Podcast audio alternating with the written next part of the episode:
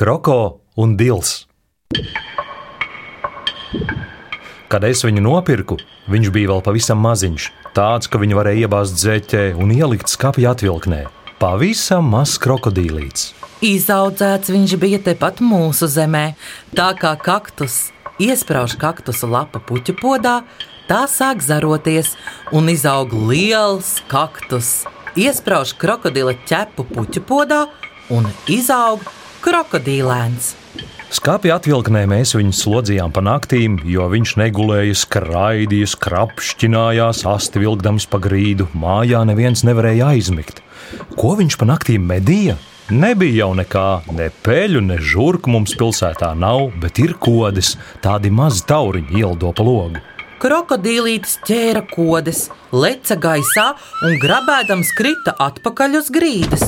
Ja kodas dzīvoja tepiķos vai drēbju kurpēs, krokodīlītis apēda kodas reizē ar visu čību, vai nograuza tepiķim stūri, vai apēda Jānītim bereti ar visu piesprāsto Rīgas nozīmīti. Posta viņš darīja daudz, taču drīz bija izķertas visas kodas un mušas arī. Vienīgi līdz griestiem krokodīlīts netika, tik augstu nevarēja uzlēkt. Kā viņš vakaros skatījās uz lampiņu pie griestiem, ap kuru griezās pa logu ielidojušie kukaiņi, tik kāri skatījās un siekalas tecēja. Vēlāk izrādījās, ka viņam kārojas pati lampiņa, pats atzinās. Viņš sāka trenēties. Es neesmu redzējis nevienu krokodilu, kam būtu tāda griba kā mūsējam.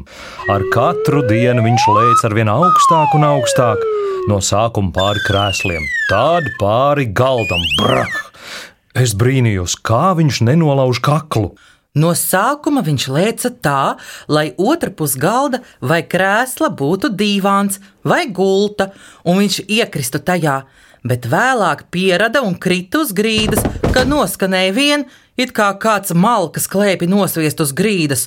Brāhs un brāhs un bladāhs! Vienu vakaru rudens pusē es lāpīju velospēdu riepu, ko viņš bija pārgrauzis. Viņš, kā nāk ieskrējies, kā lec hopā, neticami un norīja lampiņu pie griestiem bet nebija aprēķinājis, ka lampiņa ir pakārta savā vadā, un tā es pustumsā redzu, ka viņš augšā tur karājas kā tāda gara lustra, un lampiņa spīd vēderā.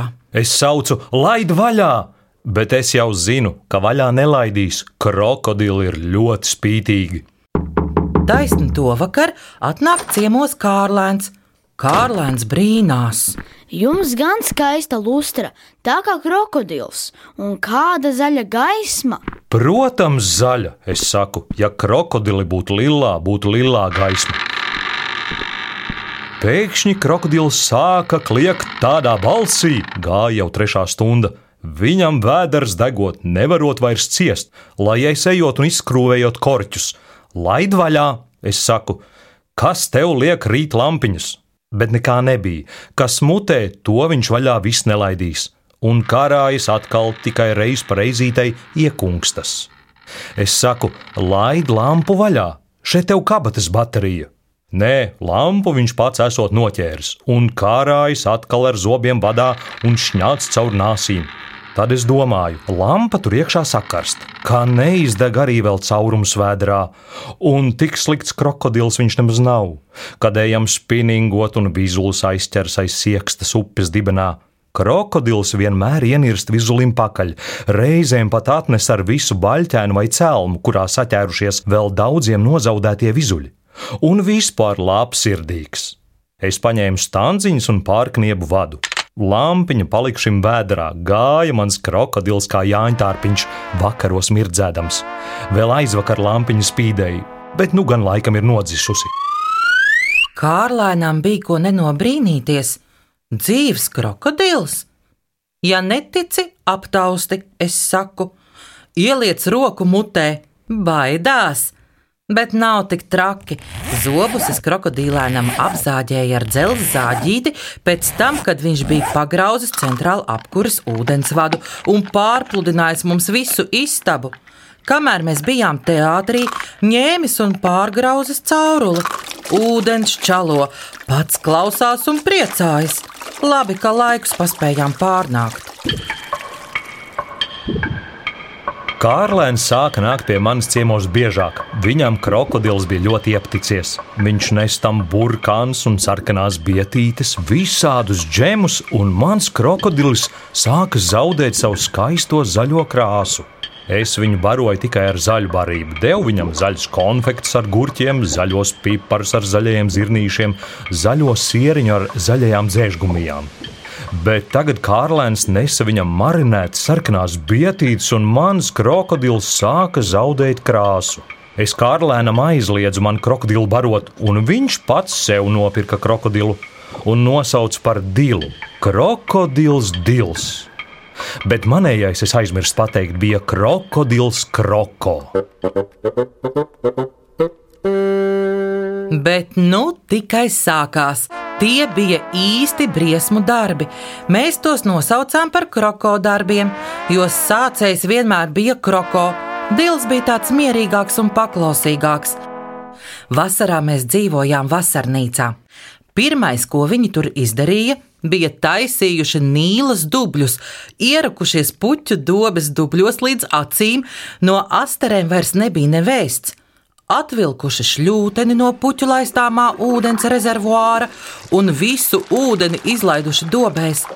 Tad ar vēderiem sākuši mīcīt un stampāt zemi tā, hoppat, hoppat, hopapā, uz visām četrām palecas un ar vēderu pret zemi, hoppat, hoppat, rapapā, kamēr puķu dārzu uzpļumpējuši kā pankūku mīklu.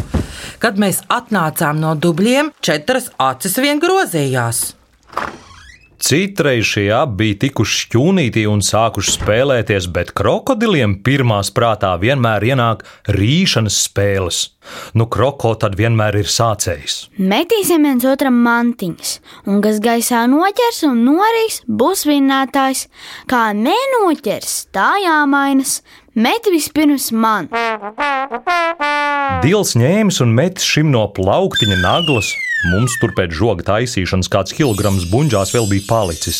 Un tā kā kroko bija ietrenējies jau mušu un lampiņu ķeršanā, tad viņam viss nemisējās. Viņš bija noķēris visas naglas, tad mazo āmuriņu un knīpstangas. Bet bija nokļūdījies, ka dilstam sviedz iekaļomo durvju slēdzini ar visu rokturi, tāda apmainījušies. Dils savukārt bija norījis mērlenti, dārzniecības šķēres, četras tenisa un divas badmintona bumbiņas, bet nebija paspējis noķert gaisā zāģu vīli. Tad kroko viņš sviedis hantelis un vienu kroko norījis, un tad esot mēs atnākuši. Tā vēlāk kroko pats visu izstāstīja. Vakarā, kad Dils aizgāja mājā, Kroko sāk žēloties, ka viņam esot smags vēders. Varbūt sāp vēdā? Es teicu, Nē, smags vēders. varbūt ciets vēders. Es teicu, Nē, smags vēders. tā es arī nesapratu, bet, kad viņš gāja gulēt uz savu kaktu virtuvē pie gāzes balona, es redzēju, ka viņam ļogas kājas, kā kādu smagumu nesot. Es saucu, Kroko, nāc atpakaļ! Bet viņš nevarēja apgriezties, bija tik dīvains un neveikls kā nevienu reizīti. Es teicu, nu kas tev ir vēderā? Āmurs, Ej, nu ej! jā, un hantele. Es domāju, ka viņš vienkārši nezina svešvārdus un par hanteli sauc kādu slimību. Bet no rīta, kad es gribēju vingrot un hanteli šķūnī neatradu, es viņam prasīju jau nopietnāk, vai tu zini, kas tā ir? Hantele! Jā, tā ir ļoti smaga lieta. Un vai tev tā hantele vēl ir vēdā? Jā, reizēm pat rullējas. Visas četras kājas viņš bija izpletis, katru uz savu pusi, un tur gulēja pavisam nekustīgs kā kājas lauķis. Mēs viņu iecēlām žigulī, bagāžniekā un aizvedām uz rentgenu. Rentgenologs paskatījās un teica, ka viņam vēdā esot vesels haoss. Nevar būt, tur ir hantele. Ticiet man, tur ir haoss! Vai tu to sauc par haosu? Tādu ar bumbām katrā galā. Tā bija hantele. Nē, hauss ir daudz lielāks par hanteli, un tām ir galu bez gala, bezgala daudz galu. Lūžņi tev tur ir, lūžņi! Ārsts paplikšķināja kroko pa vēderu un ieteica viņu vest tūliņu uz metālūžņu savāktuvi. Mēs, protams, kroko uz savāktuvi vest negribējām un lūdzām dakteri kroko izoperēt. Operācijā atklājās vēl viens kroko grēka darbs. Viņa vēdā atrada motocikla jāba karburātoru. Pagājušajā nedēļā Kārlēna brālis bija izjaucis jāviņu, un kroko ar dilu abi tur apkārt snaikstījušies. Pēc tam karburātors mums par lieliem sirdsēstiem bija pazudis. Bet Dils pēc šīs nelaimīgās spēlēšanās šķūnītī bija uzvedies pavisam savādi. Visiem prasījis, vai kāds nezina, kur ir tenisa raketes. Tā kā māsiņa Mīcīte bija aizbraukusi treniņu nometni un raketes paņēmusi līdzi, Dils pievācis mazās badmintona raketes, nolicis vienu zālē, sācis pa to bumbiņu veidīgi lēkāt un salauzis. Tad nolicis otru raketi pie vārtiņiem, pats atkāpies un meties tajā. Bet nekāda bumbošana nav iznākusi. Rakete uzmaukusies Dilam purnā, un dils skrējis palēkdamies, un vēderā viņam kaut kas punkšķējis. Droši vien tur plīsušas tenis bumbiņas un pārgājušas asinīs, bet kad kādam krokodilam pāriet bumbiņas asinīs, tad viņš taisni tā uzvedas. Un pēc visiem šiem bēdu darbiem mēs ar Kārlēnu nolēmām, ka tā nedrīkst kustonīšus mocīt. Katram kustonītim jādzīvo tur, kur viņa zeme, kur viņa gaiss un viņa ūdens.